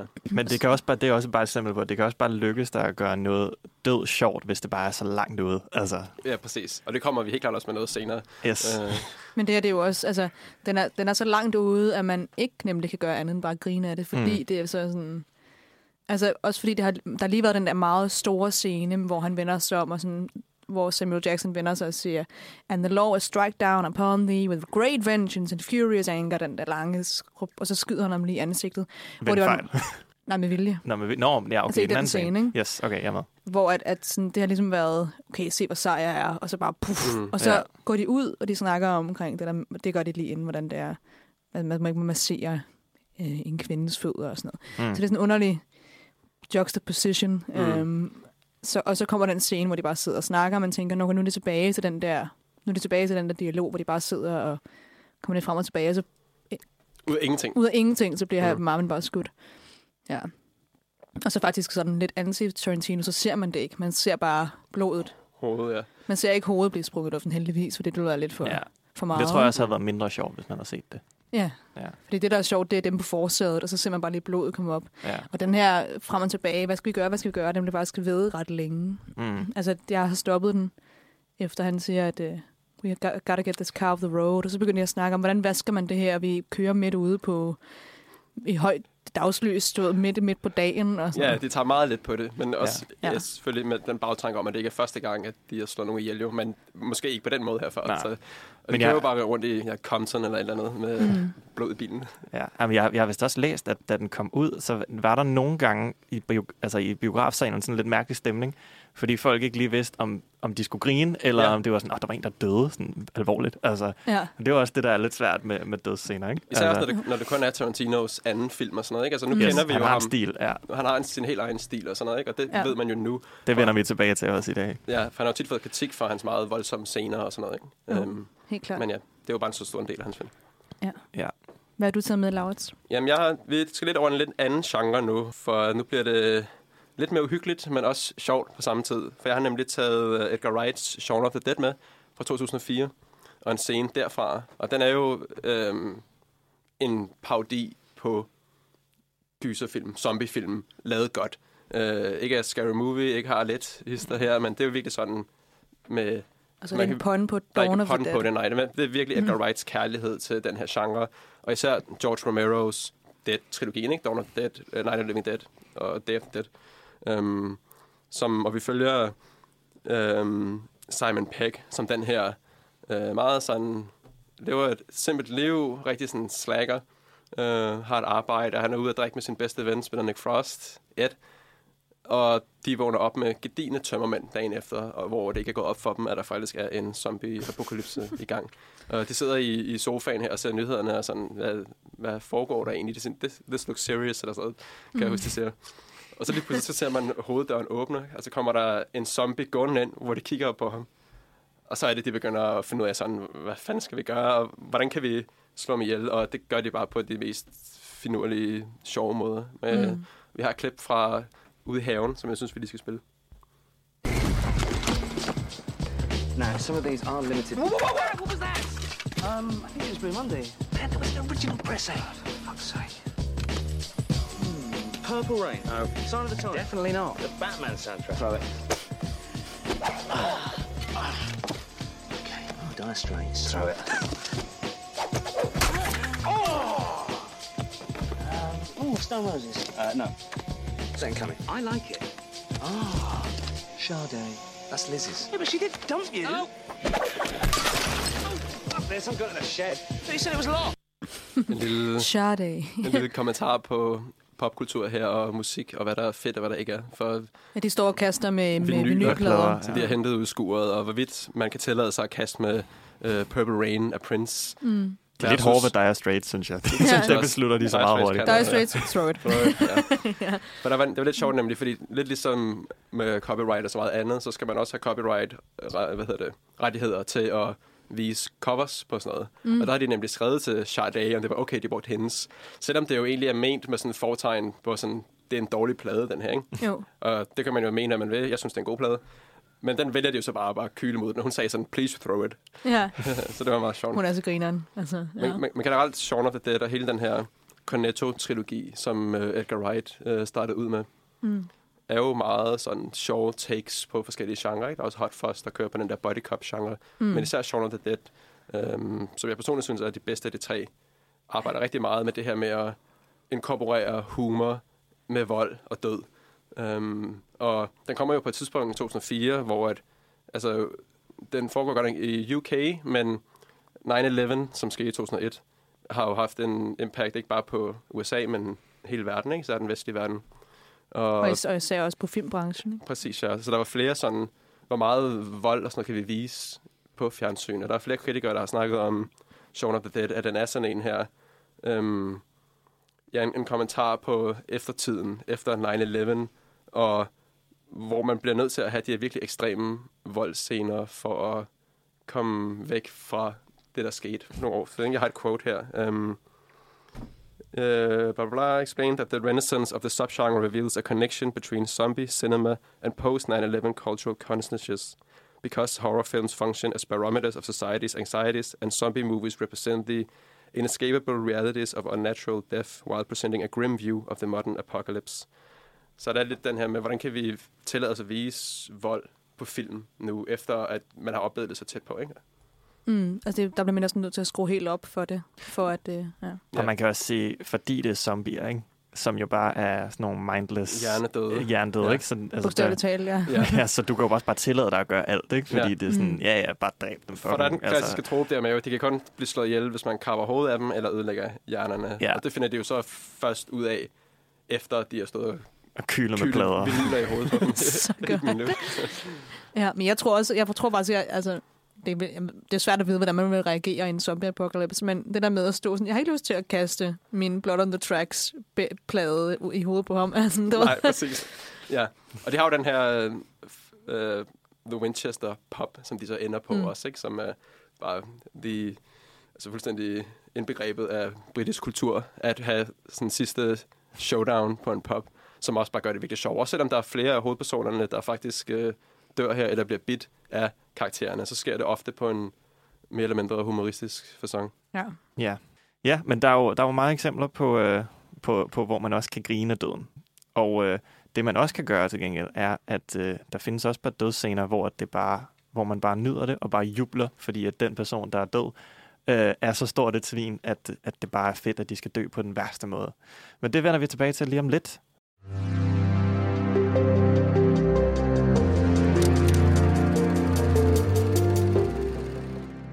Øh, efter vi øh, i sidste runde øh, var døde af grin, så skal vi nu videre øhm, til, øh, til de dødsscener, som man bare kan sige, de er bare vildt tilfredsstillende. Øhm, det her, hvor vi har en skurk eller en meget ond person i en film, som får sin, man kan kalde det comeuppance, eller øh, politiske retfærdighed, eller hvad hedder det, poetiske retfærdighed, mm. ikke politiske. Øhm, når en skurk i en film får sin straf, som ofte passer til den forbrydelse, de har begået. Øhm, og man kan sige, ofte vil man sige, at en film er ikke fuldkommen, før at skurken bliver straffet på en passende måde. i forhold til øh, deres forbrydelser. Øhm, man kan sige, ofte når man har det her med, at der er en, der er en held, der bliver fejret, og en skurk, der får sin straf, det er en, en slags fejring af moralitet af en art. Øh, og vi har alle sammen fundet nogle eksempler, og øh, Ida, vil du starte? Ja, altså øhm, det var faktisk, en, det var den, faktisk den sværeste kategori for mig at finde, fordi jeg var sådan, hvad er det, hvorfor er det, vi bliver, vi er glade for, at, at en karakter dør, hvorfor er det, vi jubler? Øhm, og så tror jeg bare igen, jeg gik til sådan de mest klassiske skurke, som jo er fra Disney. Mhm. og øhm, den her film er min yndlings Disney-film, og øhm, det er Klokkeren, Klokkeren fra Notre Dame. Og øh, det er jo øh, Frollo, som er ham her, ja, skurken i, i Notre Dame. Ja, det handler om øh, Quasimodo, som er en øh, ham, som spiller klokkeren, og øh, som er, hvad skal man sige? Vandskabt. Vandskabt er det, de kalder ham, ikke? i hvert fald, Ja. Og øh, som er, er søn af en, øh, en cigøjner. Og, og ham her Frollo hader cigøjner, og er ligesom ja, bare et røvhul af, af et menneske. Mhm. Og så starter filmen med, at, øh, at hende her cigøjner moren øh, løber og øh, flygter fra Frollo og har Quasimodo på armen. Og Frollo tror, at, at, hun er, at det er 20 gods, hun har, så han løber efter hende. Og øhm, tager hende fra hende og dræber hende, så fordi hun øh, slår hovedet ned i, øh, i, i trapperne lige foran kirken. Og øh, ser så, at han er vandskabt. Han, han kalder ham et monster. Og vil så drukne ham i den her øh, Brønden, ikke? brønden. Ja. Det lyder ikke som en Disney-film, den er meget voldsom. Ja, klart. øh, og så siger han, måske kan jeg bruge ham. Måske er han til gavn for mig, siger han i, mm. i sangen. Og så ender det med, at han, han, så bruger han så hele filmen på at lade som om, at han er ligesom den gode, og han er faren, og der er mig, der, der bare der passer på dig, og udenfor er de onde. Og sådan noget. Så, så Quasimodo har vokset op hele sit liv med den her idé om, at den eneste i verden, der passer på ham, det er Frollo. Så det er jo sådan en, Som også behandler ham skidt i øvrigt. Altså, som ja. behandler ham virkelig dårligt og slår ham og sådan nogle ting. kalder ikke? ham et monster. Og kalder ham alle mulige grimme ting. Og bruger ham som tjener også, ikke? Og sådan skal komme og servere mad for mig. Og, sådan. Nu Og, det, og han får de dårlige øh, service og sådan noget. Ikke? Mm. Og så slutter filmen så med, at, at Quasimodo finder ud af, at Frollo har dræbt hans mor, og så bliver han virkelig, virkelig vred.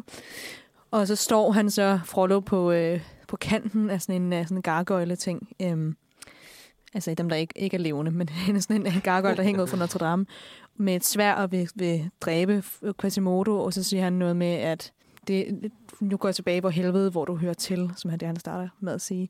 Og så er det ham, der glider, og så er det faktisk ham, der ryger ned i, i det helvede, som, som han har... Ja, e- egentlig går den vel i stykker, den der, den der gargoyle-ting, han står på. Den, ja, den, revner. Den revner, ja. ja. Og så kommer der sådan lidt mere, sådan, også igen et magisk Mm. element med, at den her bliver til live, og så ryger han så ned i, i det brændende, brændende Paris. Ja, ligesom i starten af filmen, hvor der er en fugleunge. Man ser Quasimodo, hvor, hvor rart et, øh, et menneske han er. Mm. Øh, med den her øh, fuglerede, der er i munden på en gargoyle. Øh, som jo man tænker til at starte med bare er sten. Mm. Men så lige så snart fuglen er gammel nok til at kunne flyve med, så spytter den det her ud. Ja. Så, ja.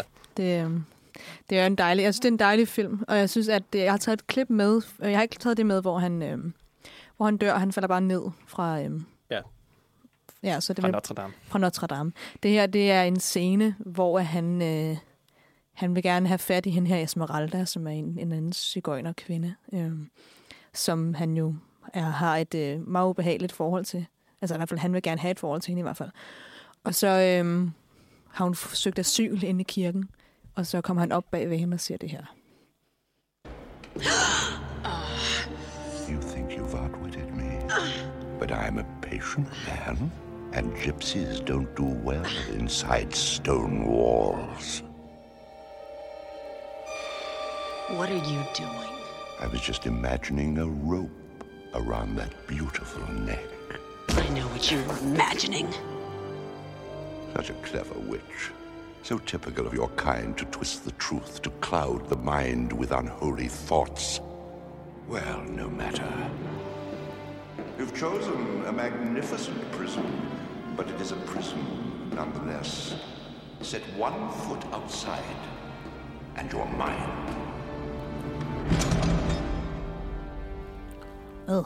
Ja, han er godt Klam nok, stodder. øh, nok den øh, mest liderlige Disney-skurk. Øh, Og nu kan jeg kado til James Earl Jones og Jeremy Irons i Løvernes Konge, men Mm. Tony J, der lægger stemmen til Frollo, er altså også en fantastisk stemme. Der er lidt sådan Vincent Price over ham nærmest. Ja, det er rigtigt. Men og han hans er navn også. Frollo. Frollo. Ja. Cloud Frollo. ja, og så bare det her med, at han, bare, han spiller sig hellig, ikke? og bruger sin religion som en undskyldning for at være så modbydelig og manipulerende og klam.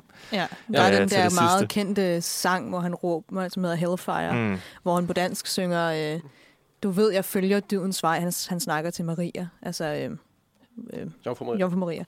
Stærk og stolt og hederlig som få. Og så senere siger han, så hvorfor fristes jeg i hendes dans, mærker hendes øjne i min sjæl. Så hvorfor sådan, så det, det er også de store religioner op mod hinanden, og måden vi arbejder med religion, og hvordan vi kan, altså hvad tro egentlig er.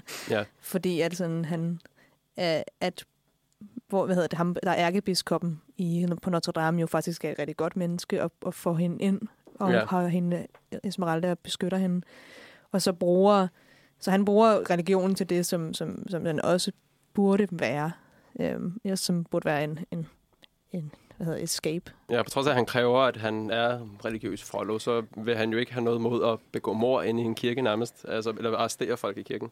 Ja, Det her med, at de kan claim sanctuary, Mm. Ja. som de siger. Det er, det er nogle voldsomme temaer, der Det er det i, virkelig. i en børnefilm. Ikke? Men Jo. jeg synes også, øh, at, at dødsscenen er, er, er meget god og sådan symbolsk, fordi jeg tolker næsten som om, at, at Gud dukker op i den der gargoyle, altså, og, Ja. og får ham til at miste sit tag og, og falde ned direkte i helvedes ilden. Ikke? Og, og et, et fun fact egentlig er, at, at de der øh, gargoyles, øh, grunden til, at de eksisterer, er for at holde onde ånder væk. Det er derfor, man har stillet dem op på øh, Mm. katedraler og andre bygninger. Øh, så den gjorde sit arbejde, kan man sige. Ja. Den der, den der dæmon gargoyle, som pludselig bliver levende og skubber ham ud på en måde. Ja, det er meget sådan, det er en meget storladet film, ikke? Men, og jeg Ja. synes, og, men jeg var bare rigtig, jeg var virkelig betaget af den, da jeg var barn, og jeg synes stadig, at det er en, det er en fantastisk øh, musical, er det jo egentlig. Mm. Og så, øhm, og den er baseret på en roman af Victor Hugo, øh, som er også ham, der har skrevet Les Miserables.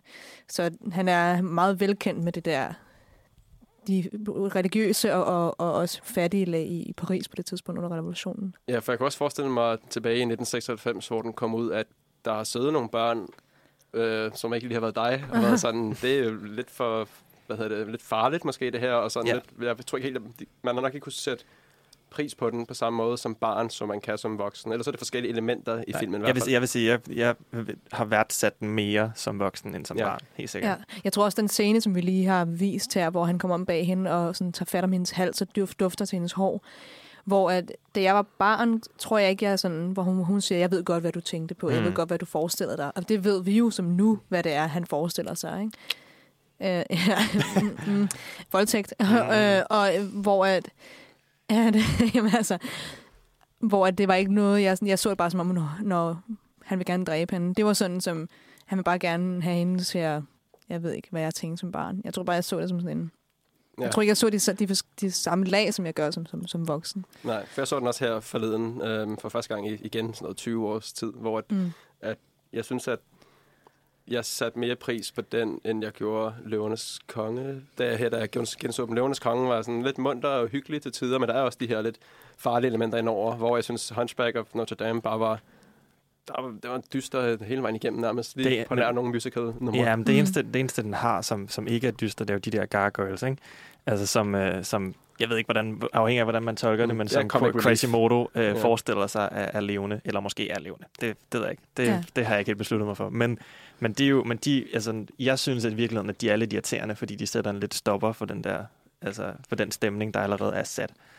Jeg synes faktisk, at det, det hjælper lidt på det, fordi at man ikke hele tiden er i sådan en, øh, hvor er det så forfærdeligt at være menneske. Altså, så det er også en måde, jeg synes, det, jeg synes de der gargoyler er en, fordi at det er jo, jeg, jeg som barn i hvert fald så det som noget, han forestillede sig. Mm. Fordi at Frodo kommer hen og banker på mig, og sådan, hvad, hvad, hvad er dine venner lavet af? Sten. Mm. Og så er der den sidste rep- replik der, som de, sådan, vi var lavet, vi af sten, vi troede bare, at du var lavet, gjort af noget, der var stærkere.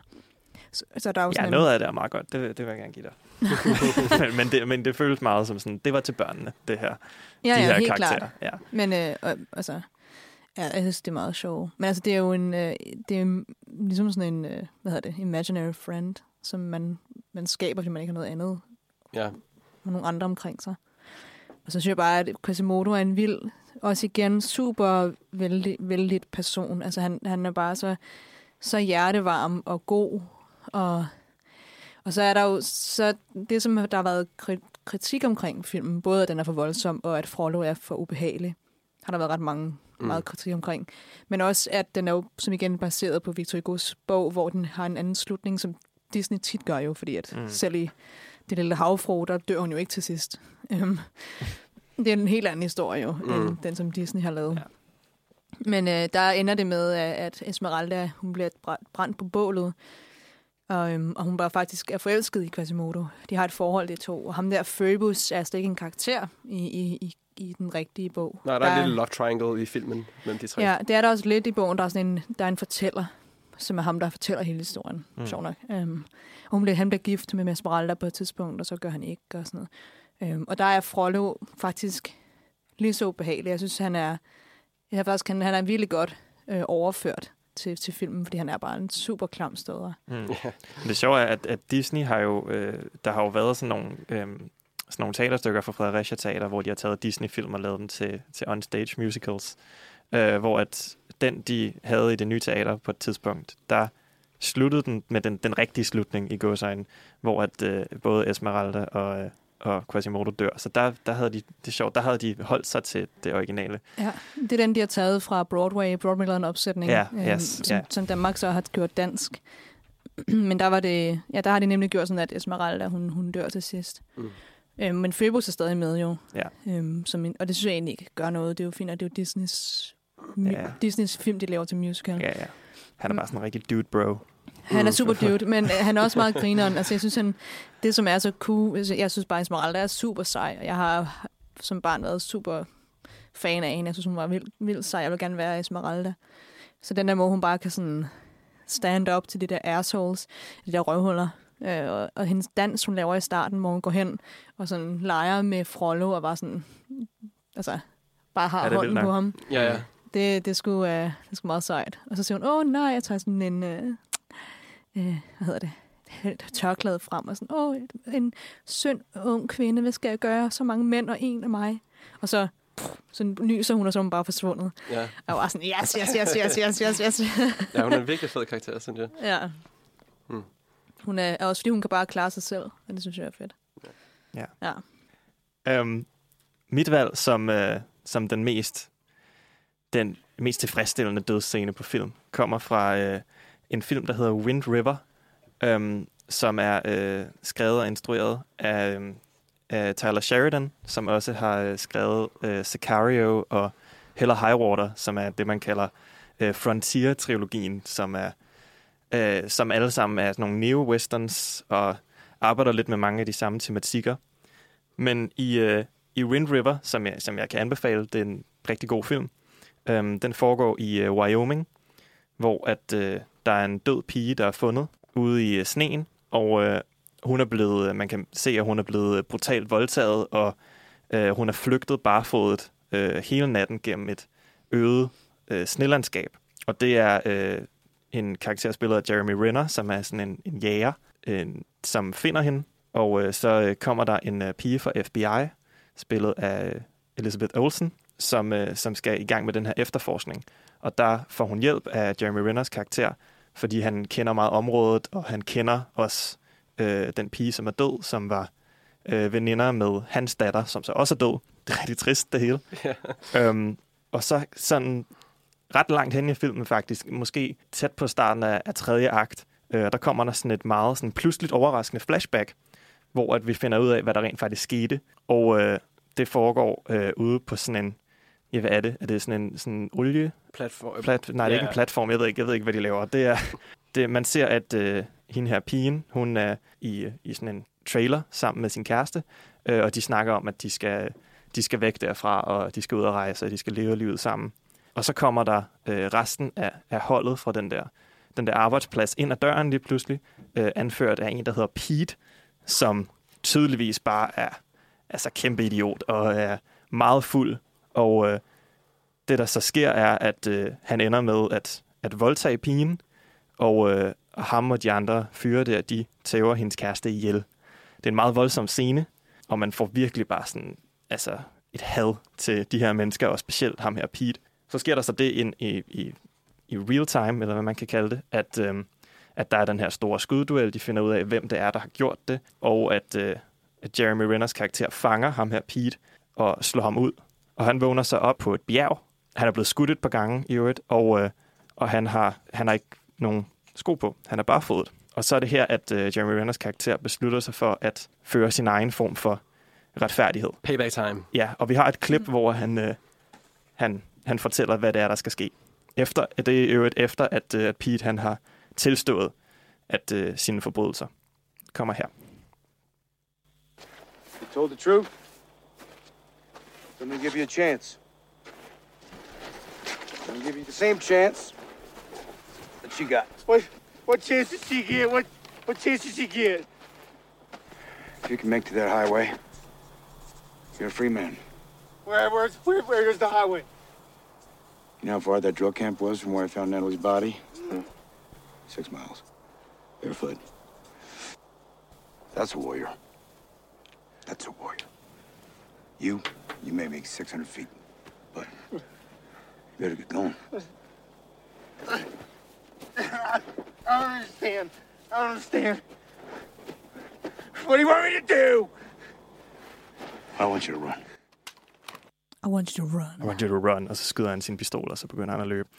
Øh, og han kommer måske 50 meter eller sådan noget, hvor efter han falder om og øh, bliver kvalt i sit eget blod fra sine frysende lunger. Øhm, og det, det, der jo er med den, det er, at det er jo meget, meget poetisk retfærdighed, hvor han får lov til at gå igennem det samme, som hans, hans offer er gået igennem, stort set. Mm. Og, det, og på den måde bliver det bare vildt tilfredsstillende, fordi at, at han er en kæmpe idiot, og han har gjort det her ved hende, og nu får han samme mulighed, som hun havde, men han er, men han er slet ikke den er samme støbning, så han falder om med det samme. Men samtidig er det, altså det er jo altså virkelig poetisk retfærdighed i sin reneste form.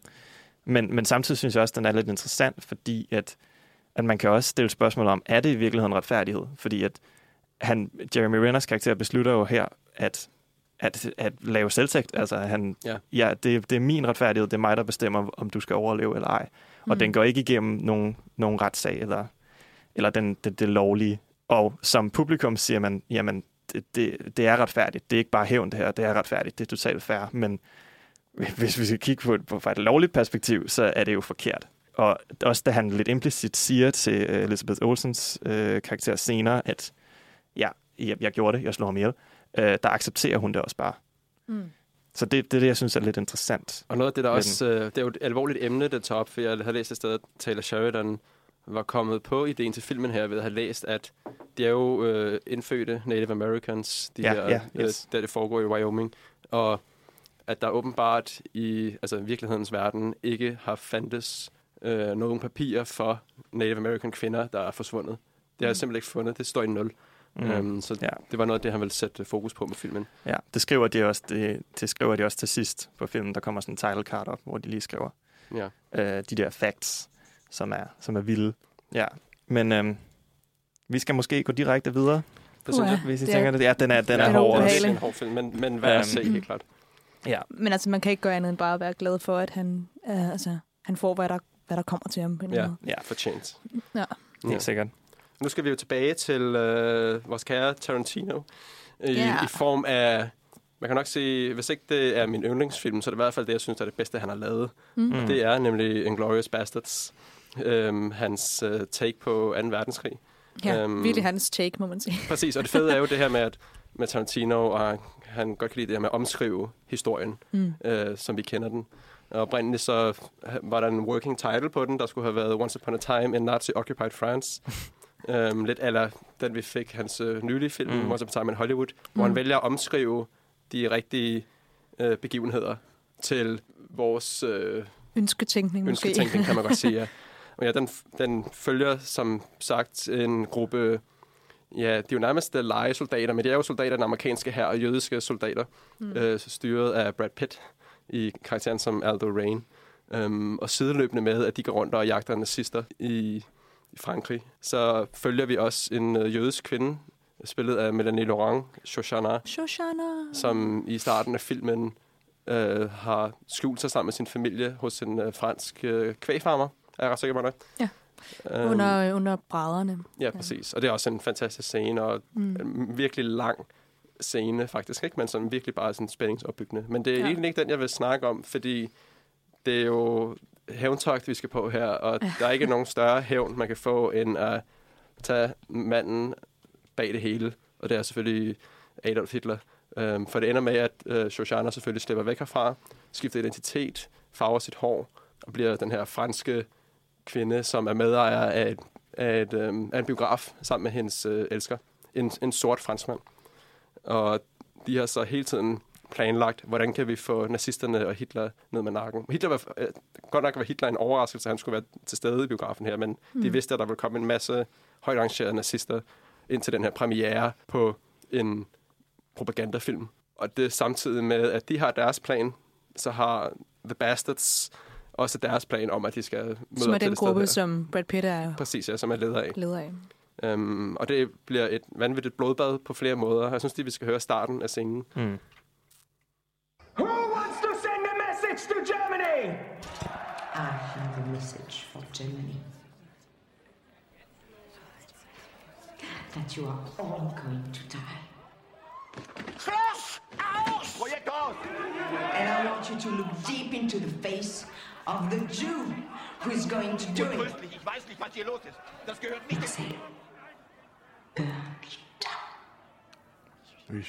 Burn it down. Ja. Og det er jo en film, hvor der er så mange scener, man kunne vælge. Der er hele Mm. baseballbat-scenen, der er kælderscenen, som også er fantastisk. Men det her er den, hvor der bare er retfærdighed. Og især på grund af den sætning, ikke?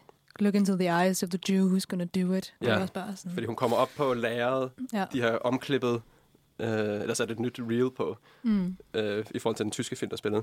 Og så samtidig med, at altså dengang var film, rigtig film, var jo meget brandfarligt. Så de brænder hele biografen ned, samtidig med, at nogle af Brad Pitts mænd kommer op på en balkon, skyder Hitler og jeg tror, det er Goebbels, eller Ja, det er- det er han det vist, ja. han er sammen med, skyder ud af balkongen, og så begynder de bare at meje nazister Og de skyder ham igen. Så- Ja, præcis. Der kommer virkelig en altså, virkelig close-up af Hitler, der bliver til nede Mm. i, i blandt publikum. Og det er jo fuldstændig, altså det er jo så voldsomt, som det kan blive. Ikke? Det er jo næsten kun lige den der scene i Django Unchained, måske, øh, med shootout inde i huset, der Ja, slår slutscenen, Ja. ja. Men det her er virkelig også... Øh, Men det er lige før, det- og det er lidt hårdt, ikke? men man kan godt sætte lidt lighedstegn det der med, at med, med zombierne, ikke? Altså det der med, at det er nazister, så bare fucking skyd dem. Ja, ja, altså, det, det skal bare mejes ned, ja, præcis. Ja, Ja, man har, man har ikke så stort forhold til, til dem, der, der dør. Nej, især ikke Adolf Ikke på den Hitler. måde, Ja. nej. nej. ja og det, jeg, jeg kan rigtig godt lide tanken om, at der måske er nogle, nogle uindvidede øh, i Tarantinos univers, der har været inde og se den her film, og måske har troet, at det har været sådan historisk øh, Mm. akkurat øh, og baseret på virkelige hændelser, som bare har været sådan, what? er, det, er det Hitler, der bliver skudt igen og igen og igen og igen og igen? Ja. Øh, Det er for fedt. Ja, virkelig fedt. Ja, men øhm, jeg tror, vi kom godt rundt om øh, en masse forskellige måder, man kan lave dødsscener, og hvilke øh, effekt det kan have på os som publikum. Øh, og man kan sige, det er jo et emne, som der aldrig bliver udtømt, fordi der findes også mange flere eksempler end dem, end dem vi har kommet med. Altså, Døden vil altid være relevant. Ja. Altid, ja, ja. Det er, fordi det er altid noget, som folk har inde på livet, og noget folk tænker over, og måske kan være bange for. Øhm, så det er, det er altid noget, vi kommer til at se i historier øh, og på film. Har I nogle øh, afsluttende tanker? Jeg var, jeg var sådan lidt bange for, at sådan, det her emne bliver meget øh, gravalvorligt. Ja, ja, det er dødalvorligt. Dødsens alvorligt. Dødsens alvorligt. Øh, men, øh, ja, ja, men det viser også bare, at der er, der er virkelig, virkelig mange måder, man kan gå til et emne. Som, Mange facetter Mange facetter. det, ja. Og især også i, i, i resten af verden, hvor, at, hvor i den vestlige verden har vi lidt mere tabubelagt forhold til døden, hvor at, øh, ja, man kan også gå til, til resten af verden og se, hvordan de... Ja, præcis. Det kunne, man jo, om det. det kunne man tage en anden podcast og Ja. tage lidt mere sådan noget world cinema og se, hvordan de takler det. Vi har jo hovedsageligt taget amerikanske film, ikke? Ja, Mm. det, ja, det har vi. Ja. Som har deres måde. Hollywood har deres måde at skildre død på. Og vise og, det på, ja. og Østen og de andre verdensdele har deres måde. Ja. Ja. Så, øh, så tror jeg måske ikke, der er så meget andet at sige, end at øh, følge os på, øh, på Instagram og på Facebook, øh, filmmagasinet Nosferatu. Øhm, og øh, I kan læse vores anmeldelser på nosferatu.dk og artikler og hvad vi ellers laver af sjove ting. Og, øh, og lytte til vores vores podcast, hvor I nu finder jeres podcasts. Og øh, så tror jeg ikke, der er så meget andet at sige end uh, tak for i dag, og tak til jer to, for tak. I ville Tak være for i med. dag. Det var godt at være tilbage. Ja. Hakuna Matata. ja, øh, og vi ses jo Det gør om, vi. om, øh, om tre Om uger, tre. tre eller fire uger, Ja. hvornår den nu er, afhængig af påskeferien. Um, så jeg tror lige, jeg vil sætte øh, kanonen for Hunger Games i gang, og så øh, er det vores afslutning. Vi ses.